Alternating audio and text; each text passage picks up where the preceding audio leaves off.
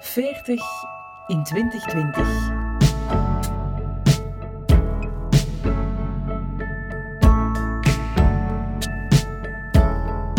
Ik ben Lotte. Ik woon in Marrakesh met mijn zoontje Nizar en mijn man Rachid. Het is hier in Marokko dat ik dit jaar 40 werd en dat ik deze podcast maak met mijn leeftijdsgenoten in België. Ons geboortejaar 1980, dat hebben we gemeen. En er zijn doorheen de babbels van deze podcast nog wel gelijkenissen op te merken. Ik vind het vooral boeiend hoe we elk op een verschillende manier onze leeftijd benaderen, elk onze eigen accenten leggen en natuurlijk elk ons unieke levensverhaal vertellen. Ik merk dat ik in 2020 meer stilsta bij hoe mijn leven tot nu gelopen is en bij wat ik zelf echt belangrijk vind. Natuurlijk zit die onverwachte coronacrisis daarvoor iets tussen. Maar ook zonder die pandemie zou het voor mij sowieso een jaar vol veranderingen zijn. En dan kan het geen kwaad om eens te reflecteren. Dit is 40 in 2020.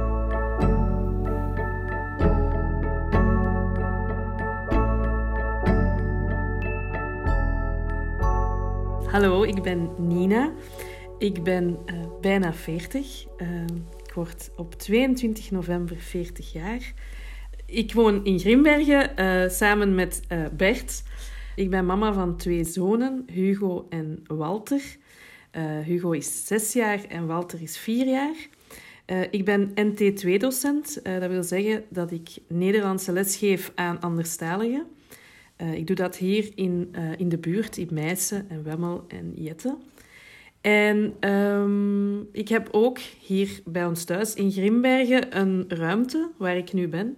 Uh, en dat heet de kwekerij. We hebben dat ingericht en ontworpen als een soort workshopruimte waar ik workshops organiseer, schrijflessen, um, handlettering, bloggen. We hebben ook een leesclub hier. We hadden, uh, dat was allemaal pre-corona natuurlijk. Dus momenteel is dat, uh, is dat mijn thuiswerkkantoor uh, van waaruit ik lesgeef. Dit is Nina Vinks. Wij volgen elkaar op social media en we liken elkaars posts of lezen elkaars blogs. Zij is een trouwe luisteraar van deze podcast en over enkele dagen is ze ook 40 in 2020. In deze aflevering hebben we het over altijd zoekende zijn, over moeder zijn en over bloggen en Nina haar passie voor taal. Ik link Nina met Brussel, want er was een tijd dat we elkaar quasi wekelijks tegenkwamen.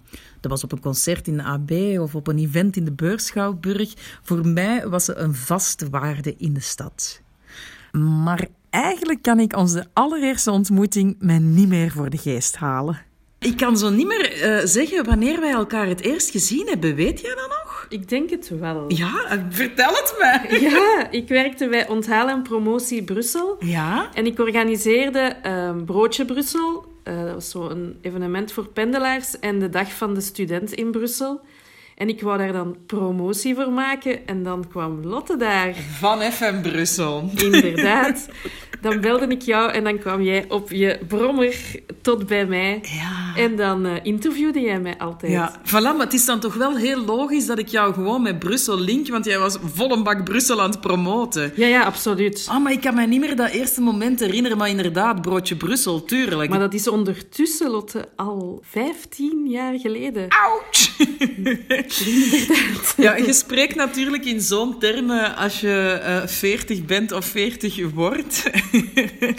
Vind je dat lastig dat het zo, uh, ja, dat het zo lang geleden lijkt um, en dat je, ja, dat je 40 uh, wordt? Ik vind het verschrikkelijk. oei, oei, oei, oei. oei. ik weet niet goed waarom eigenlijk. Maar um, ja, ik vind het echt heel erg. Maar ook, ik ben een van die personen voor wie mijn verjaardag, dat is de belangrijkste dag van het jaar. Echt waar. En dus de voorbije twee jaar heb ik altijd gezegd: ja, we gaan iets kleins doen, want we worden allebei, Bert ook, allebei 40 jaar najaar 2020. En nu zitten we hier en mogen we vier mensen uitnodigen. Oh. En dat vind ik echt waar. Dat is de ergste straf die iemand mij kan geven. Ja. Ik vind dat echt oh, heel erg. Damn. Ja, ja, ja. En vind je het dan daarom heel erg dat je het niet kan vieren groot en uitbundig? Of vind je het cijfer, de leeftijd 40 lastig? Allebei. Ja, dat is zo'n rond getal. Dus ik had zo een hele 90s party in mijn hoofd. Ik zag het echt helemaal gebeuren. Dus dat. En dan ook, ja, 40. In mijn hoofd is mijn moeder 40, mijn oma 60. Punt. Nu ben ik zelf 40. En dat klopt niet. En mensen die ik ken, zoals jij, zijn ook 40. Dat is gewoon raar. Ja, ik kan daar niet goed bij dat ik... Allee, zo 40, ja. ja. Dat is bejaard, hè. Mijn oma, die was 44. Maar stel je dat voor, mijn oma, die was 44 toen ik geboren werd. Dus eh, dat, dat is zoiets, ja, dat rijmt niet met wie ik ben of hoe ik mij voel. 40. Maar dat zegt misschien wel meteen iets over de evolutie die er uh, op een zeer korte tijd geweest is. Als je ziet van over twee, drie generaties wij zien onszelf nu niet over uh, vijf jaar grootmoeder zijn. Nee. Terwijl onze grootmoeders ja, zich waarschijnlijk niks anders hadden voorgesteld op hun, uh, op hun 45, 50ste. Nee, dat klopt. Dus dat is eigenlijk wel straf, hè? dat dat op zo'n korte tijd is. Ja, en ik zie dat ook bij de mensen in mijn klas, dat die daar ook een ander idee over hebben. Ik ben in hun ogen oud oud om zo um, kleine kinderen te hebben. Ja. Die zijn allemaal veel jonger dan ik, met veel meer kinderen en allee, een gans ander gezetteld leven dan ik op hun leeftijd vaak begin de twintig had. Dat valt wel op. Want wie zijn de leerlingen, de cursisten in je klas? Oh, dat is heel divers. Um, ja, die komen uit alle hoeken van de wereld. Het enige wat hen bindt is eigenlijk dat ze hier in de buurt wonen en dat ze Nederlands willen leren.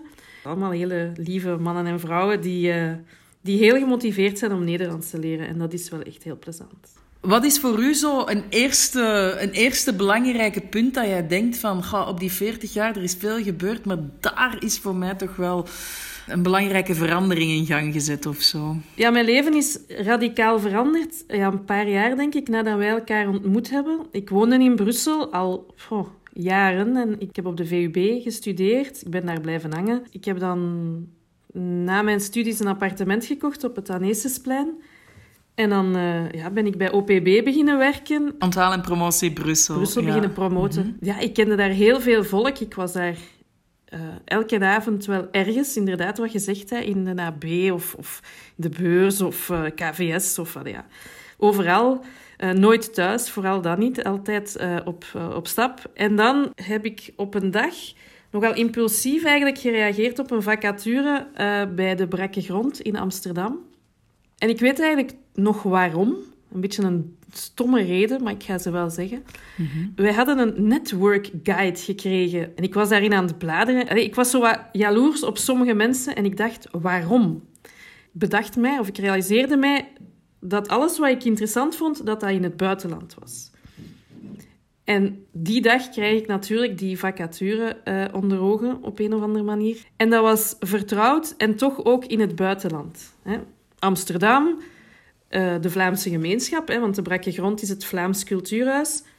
Uh, maar toch ook in het buitenland. En een job als productieassistente. Dus met veel, uh, veel met cultuur te maken. Ik ging daar heel veel theater en muziek zien. Dus ik dacht, ja, waarom niet? ik ben met de trein naar daar gegaan. Ik heb gesolliciteerd. Ik ben terug naar huis gekomen. Ik ben dan, denk ik, drie dagen later nog eens gegaan. En dan mocht ik dus beginnen. Uh, en dan dacht ik, ja, oh, um, ja, dat is wel in Amsterdam. Maar dus ja, dat, dat was voor mij echt een hele grote verandering van Brussel, dat ik, waar ik al op stap ging van als ik 15, 16 jaar was, waar mijn familie ook woont, waar mijn vrienden allemaal waren, naar uh, een leven in Amsterdam waar ik letterlijk niemand kende dat was wel een hele grote verandering. Ja, want dan worden je collega's ook je vrienden bijna, omdat je ergens moet beginnen met netwerken waarschijnlijk. Ja, en ook, dat is een job die nooit stopt. We hadden elke avond uh, voorstelling en de volgende dag om acht uur moet je daar wel weer zitten. Ja. Dus je collega's zijn ook de enige mensen die je ziet. En dat gaat dan wel heel snel, omdat dat heel intens is. Ehm, en dan de vrije momenten kwam ik vaak nog terug naar Brussel. Uh, maar dat werd ook minder en minder, voelde ik dan wel in de loop van de tijd. Uh, maar ik ben daar dertig geworden. En dat was een hele triestige avond. Ja? Dus herinner ik mij nu. Ik was namelijk helemaal alleen. Oh. Ja, en daarom denk ik nu ineens, dat is het. Dat was, dat was echt niet tof. Maar ik heb, dat, ik heb dat verdrongen. Ben je eigenlijk vertrokken met het idee om daar tijdelijk naartoe te gaan? Of had je zoiets van, dit kan wel mijn nieuwe woonplek worden voor hele lange tijd of voor de rest van mijn leven? Het, het probleem was dat ik een vervangingscontract deed dat elke maand verlengd werd. Dat is verschrikkelijk. Dat is echt niet leuk. Nee. Ja, dat is echt een, een nachtmerrie. Want elke maand is dat dus afwachten. Daarom dat ik ook nooit een deftig huis of iets heb gezocht. Want het kon toch elke maand uh, stoppen. Ja. Uiteindelijk heeft het, denk drie jaar dat ik daar uh, gewoond heb.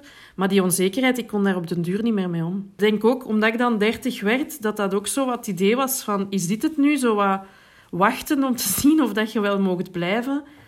Ja, dat is niet tof. En dat, dat is wel iets dat ik nu voel, dat zo onzekerheid, dat ik daar heel moeilijk mee om kan. Allee, werkonzekerheid.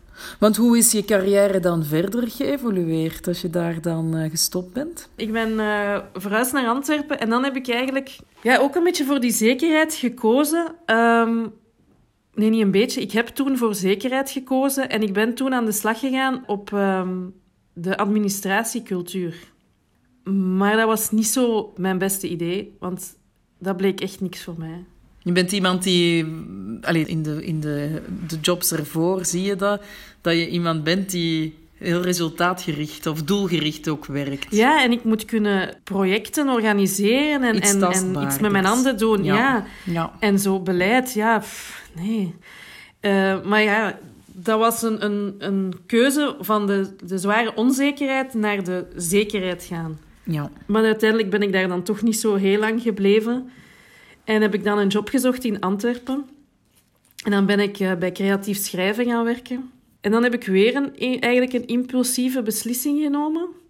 De grote beslissingen neem ik heel impulsief. En de wat gaan we eten vandaag, denk ik dan altijd heel lang over na. denk ik. Besef ik ineens.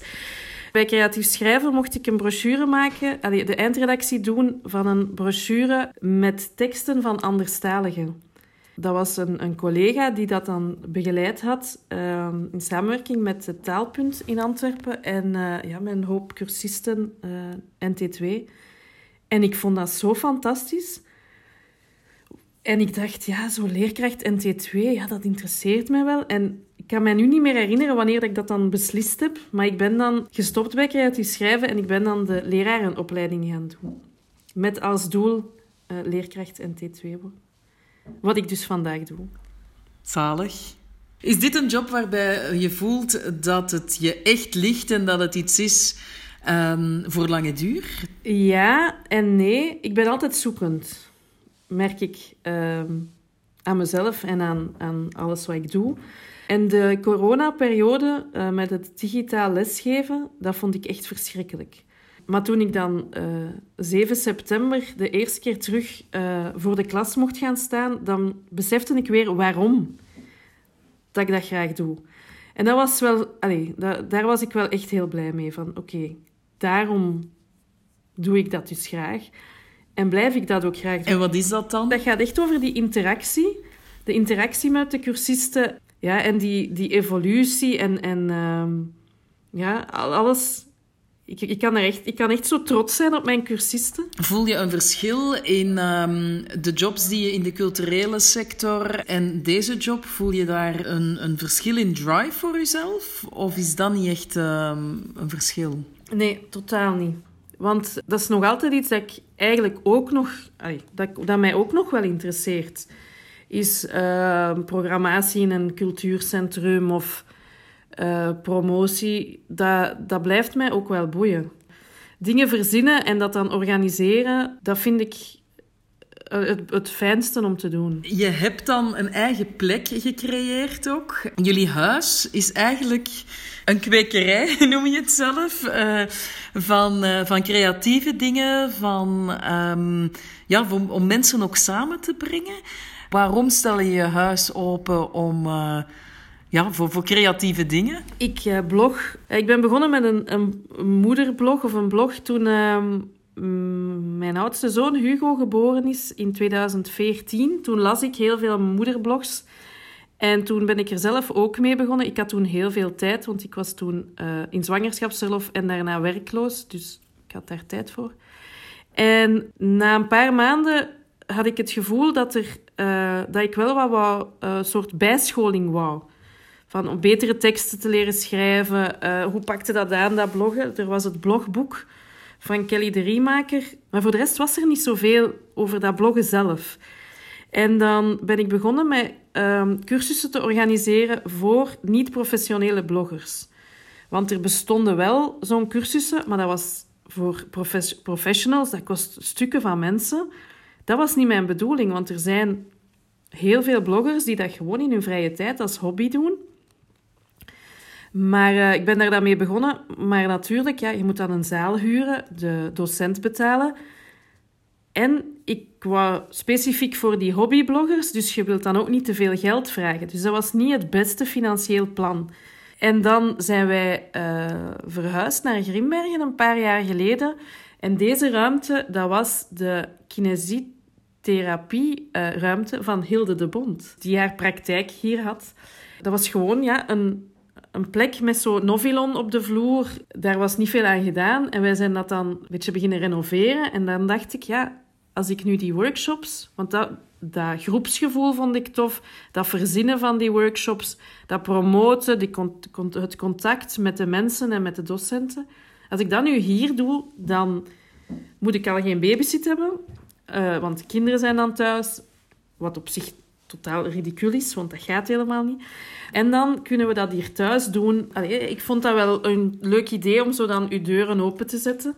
En dan het idee was workshops voor uh, bloggers en alles wat met schrijven te maken had. Want uh, mijn grote droom was, en is misschien nog wel, is een, een soort winkel met uh, stationery en zo. Alle uh, gadgets met letters en alles wat dat met schrijven te maken heeft. Ja, dat is iets dat zit al heel lang in mijn hoofd. Uh, dat wil ik, zou ik heel graag willen doen. En dat was ook eventjes het idee om dat eventueel hier te doen. Ja. Het is wel duidelijk dat taal door heel je professionele loopbaan dat dat wel een constante is taal, communicatie, lezen, schrijven. Absoluut, uh... absoluut. Ja, ik heb communicatiewetenschappen gestudeerd aan de VUB. En lezen, ja, dat is zoiets... Uh, dat is niet cool, maar natuurlijk, ik deed dat wel als kind. Ik was echt, ik denk, lid van vier bibliotheken of zo. Dat is ook de tijd voor internet of voordat er veel tv was of zo. En ik deed dat gewoon heel graag. Ik las alles, overal... Uh, eh, naar de wachtzaal van ergens in een wachtzaal moeten zitten en naar de boekjes mogen lezen. Heerlijk.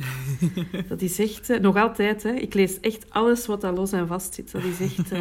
en ik ben nu zelfs gestart met een opleiding leescoaching aan de hogeschool, om me daar nog verder in te verdiepen. Wat is dat? Dat is eigenlijk opgestart omdat de cijfers op het gebied van lezen in, in heel Europa, maar vooral ook in België, echt dalen. Uh, kinderen kunnen niet meer lezen. Uh, jongeren al helemaal niet meer. Ze willen niet graag lezen, maar ook ze kunnen het niet meer zo goed. Niet begrijpend lezen en ook geen uh, technisch lezen. Tijdens die opleiding krijg je een overzicht van alles, alle initiatieven die er bestaan in Vlaanderen, Nederland en ook daarbuiten op het gebied van lezen. En hoe dat je kinderen en jongeren kunt aanmoedigen om te lezen of welke uh, werkvormen dat je kunt gebruiken in de klas. En ja, ik doe dat dan specifiek voor uh, Nederlands voor anderstaligen. En daar maak ik, ben ik nu een project voor aan het ontwikkelen, omdat er, een, er is een heel groot aanbod aan boeken voor anderstaligen, maar niet iedereen is daar helemaal van op de hoogte. Dus dat is nu mijn insteek voor mijn eindproject van de opleiding om... Uh, NT2-docenten eigenlijk in eerste plaats te linken aan de uh, taalpunten. Als ik zo luister naar wat je vertelt en als je zegt dat je um, altijd zoekende bent, dan heb ik ook de indruk dat je altijd heel veel wil opslorpen. Altijd lerende bent, altijd um, kijken wat de opties zijn. Dat is mooi geformuleerd. Dank je. Voel je dat ook zo? Is dat een, is dat een Ja. correcte ana- analyse? Of, Ja, want allee, de, wat ik hier organiseer, dat wil ik dan ook altijd zelf volgen. Eh, ik wil altijd bijleren. Ja, en altijd op zoek naar eh, wat kan ik daarmee doen. Of ja, ik probeer informatie op te slorpen. En dat is ook niet altijd hoogstaande informatie. Hè. Ik bedoel, ik ben de, een eh, hele grote showbiz... ehm, eh, hoe heet zeg je dat? Fan, fanatiekeling? Nee, dat is echt geen woord. Eh, Showbiz. ik ben heel geïnteresseerd in showbiz. Bijvoorbeeld, dus ik lees de story de dag allemaal en zo. Dat is echt mijn ontspanning om de, de boekjes te lezen. Maar daarnaast lees ik ook andere soorten literatuur. Ehm, en ik wil altijd bijleren. Als er, als er op school een, een, ehm, een bijscholing is, dan eh, ja, ga ik altijd proberen om die te volgen. Mhm. Eh, dat komt vanuit een soort onzekerheid van eh, dat ik dat altijd beter moet, wat ook niet altijd een cadeau is. Ehm, maar ehm, ook vanuit het idee van, ja, ik wil echt altijd kunnen bijleren. Je blog die heet ehm, Miss Bliss. maar de ondertitel, die vind ik wel heel typerend eh, eh, voor jou. Eh, op zoek naar de beste versie van mezelf. Inderdaad. Hoe ziet die er ongeveer uit? Weet je dat? Nee, en in elke fase van, de, van mijn blog, dus al de voorbije vijf, zes jaar, is dat ook veranderd en is die insteek ook veranderd. Ben ik er ook anders mee beginnen omgaan, omdat ik dan op een bepaald moment besefte ik dat echt wel veel mensen dat begonnen te lezen en dat ik dat misschien niet zo'n goed idee vond. Dus dan ben ik daar ook een ganse tijd mee gestopt of ben ik dat dan een beetje beginnen censureren. En soms gaat dat de beste versie van mezelf als moeder. Of ehm, als ik dan eh, op dieet ben, dan gaat het over ehm, afvallen, eh fit mom gewijs. In het begin was het persoonlijker, denk ik. Maar dat de laatste tijd, ja, ik ben daar een beetje bang van geworden. Om je, om je ziel bloot te leggen? Of, of waar ben je bang van? Ik, ik kan niet zo goed tegen kritiek of, of... Ja, dus daarom probeer ik dat dan... Ben ik dan toch gestopt met dingen te, op te schrijven, omdat ik dan soms eens een reactie kreeg die mij niet aanstond. En dan dacht ik, ja, eigenlijk moet ik dat daar niet opschrijven. Ja, anderzijds heb ik zelf ook al eens een blogpost geschreven van, moet een blog alleen maar positief zijn? Maar ja, je deelt maar wat je zelf wilt delen. Hè. Eh, er zijn zo t-shirts, hè, eh, King of my, eh, Queen of My Blog. Ja, jij bepaalt, hè. jij bent de CEO. En dat vind ik eigenlijk het grootste voordeel aan. Je doet weg wat dat je wilt wegdoen en, en je kunt dat direct aanpassen. En, en achteraf ook dat je denkt van, "Hm, dat was toch niet helemaal. En dat vind ik daar zo tof aan. Dat dat ook blijft evolueren hoe dat jij het wilt. Als je altijd zoekende bent of eh, op zoek naar de beste versie van jezelf, ben je dan iemand die ook eh, tevreden kan zijn eh, en, en gelukkig kan zijn hoe het nu op dit moment is? Nee, moeilijk. En hoe uitzicht dat? Ben je dan onrustig? Ben je ongelukkig? Ja, dat weet ik eigenlijk niet goed. Nu, we, we leven nu wel in een heel moeilijke Ja, moeilijk jaar, moeilijke periode, Ja. ja. globale periode, laat ons zeggen. Dus ik vind dat sowieso moeilijk om, om dat daar los van te zien. Maar ik denk niet dat ik ooit... Ik weet dat niet. Of dat je ooit op het punt komt van, dit is het nu. Eh, ik ben gearriveerd, zo. Dat, dat denk ik niet, nee. Jij wel? Is dat bij u wel zo? Dat je denkt van, hier stopt het? Nee, niet hier stopt het. Dit voor de volgende 30 jaar? Nee, nee, nee, nee. Niet, niet hier stopt het. En ik denk, eh, ik zal altijd eh, uitdagingen blijven opzoeken. Ik kan wel tevreden en gelukkig zijn met de situatie waar ik in ben. Ik heb niet echt het gevoel dat ik, dat ik altijd een zoektocht of zo eh, moet doen. Maar wel, het, ehm, ik wil wel altijd blijven evolueren. Allee, dat is misschien een net iets andere insteek, omdat ik...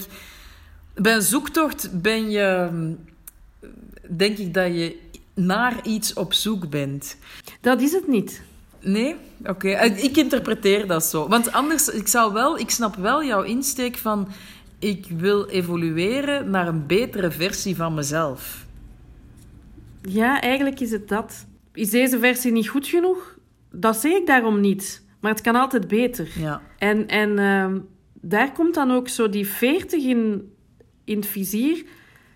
Dat ik vroeger zou gedacht hebben van 40, dan, is het, allez, dan stopt het qua evolutie of zo. Dan Ja. allee, ja, komt je ergens aan. Maar ik ben nog helemaal nergens aangekomen. Denk ik dan. Wat is voor jou ehm, de beste versie van jezelf als moeder? Hoe zou je jezelf als moeder omschrijven? Ik ben iets te bezorgd, denk ik. Ik ben echt zo de pas-op mama. Wat ik minder zou willen zijn, maar die ik wel ben. En ik probeer altijd tijd te maken voor hen. Wat niet altijd lukt. Dat is wel mijn streefdoel. En ik ben ook wel gestopt met dingen te lezen van hoe het moet. Je leest zelfs, zelf geen moederblogs meer of zo. Minder. Maar vooral, ehm, ja, ik, zo mild ouderschap, hè, dat is hier nu een hype.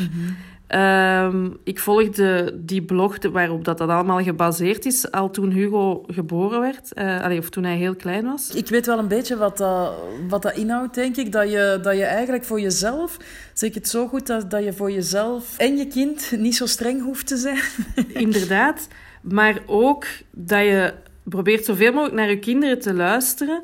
Bijvoorbeeld als ze dan een woedeaanval krijgen als ze thuiskomen na een lange dag. Dat je dan eh, met hen gaat praten en achterhalen van waar het komt en niet gewoon zelf terugroept. Maar dat is allemaal goed gezegd en gedaan, maar dat is allemaal ook niet zo evident. Dat is ook eh, opvoeden zonder straffen. Dus niet in de hoek zetten, eh, niet bestraffen, maar zoeken achter de onderliggende oorzaak en zo.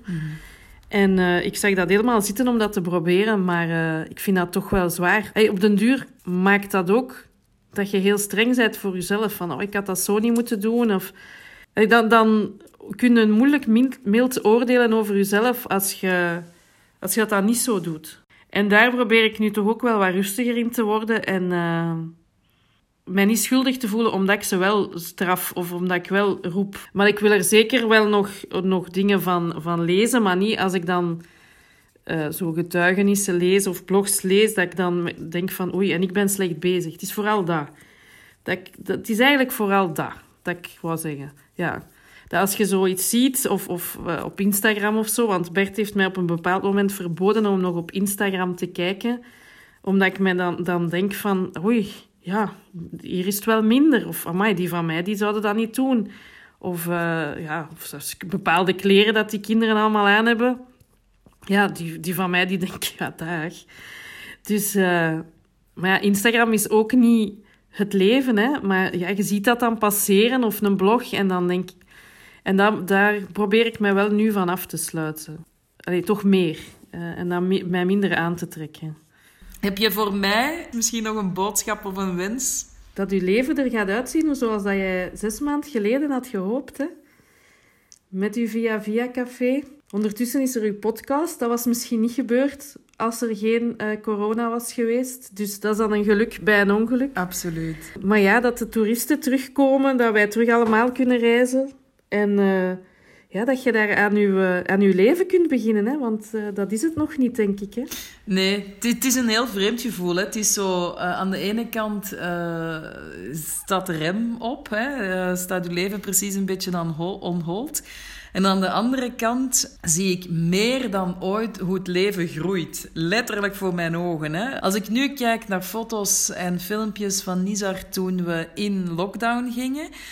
En nu, dat is precies een ander kind. Dat is logisch. Ja, dat is zo zot en dat vind ik ja, fantastisch om te zien. Maar dat doet mij ook wel super hard realiseren. Het immens grote cliché, maar de tijd vliegt.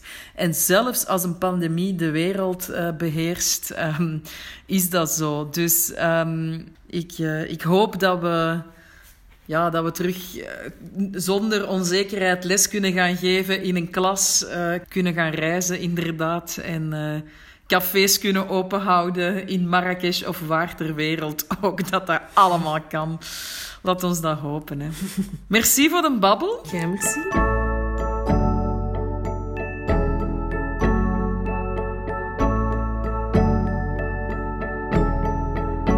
Dit was 40 in 2020.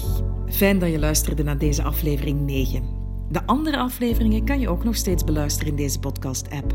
Als je het boeiende babbels vindt, deel ze dan zeker met anderen. Zo krijgen meer luisteraars mijn podcast te horen. En stuur me gerust een berichtje op de Instagram of de Facebookpagina van 40 in 2020. Het is altijd fijn om te weten wat jij van deze podcast vindt. Alle credits van deze aflevering vind je in de show notes. En volgende aflevering babbel ik met David. Ook hij is 40 in 2020. Ik heb uh, zelf niet echt zo'n een, bucketlist of zo van uit een vliegtuig willen springen of dit of dat. Maar als er iets op de bucketlist staat, dan is het uh, reizen. En dan is het volgende item opnieuw reizen. Ja, zo een land dieper leren kennen of gewoon teruggaan naar een plek die je leuk vindt. Uh, ik vind dat ook fantastisch. Ik ben denk ik al tien keer in Indonesië geweest. En ik denk dat ik dat zeker nog aan de dochters wil laten zien.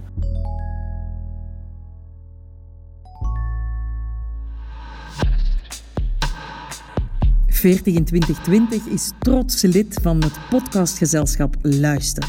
Luister met UY. Surf naar luister.be voor meer goede podcasts.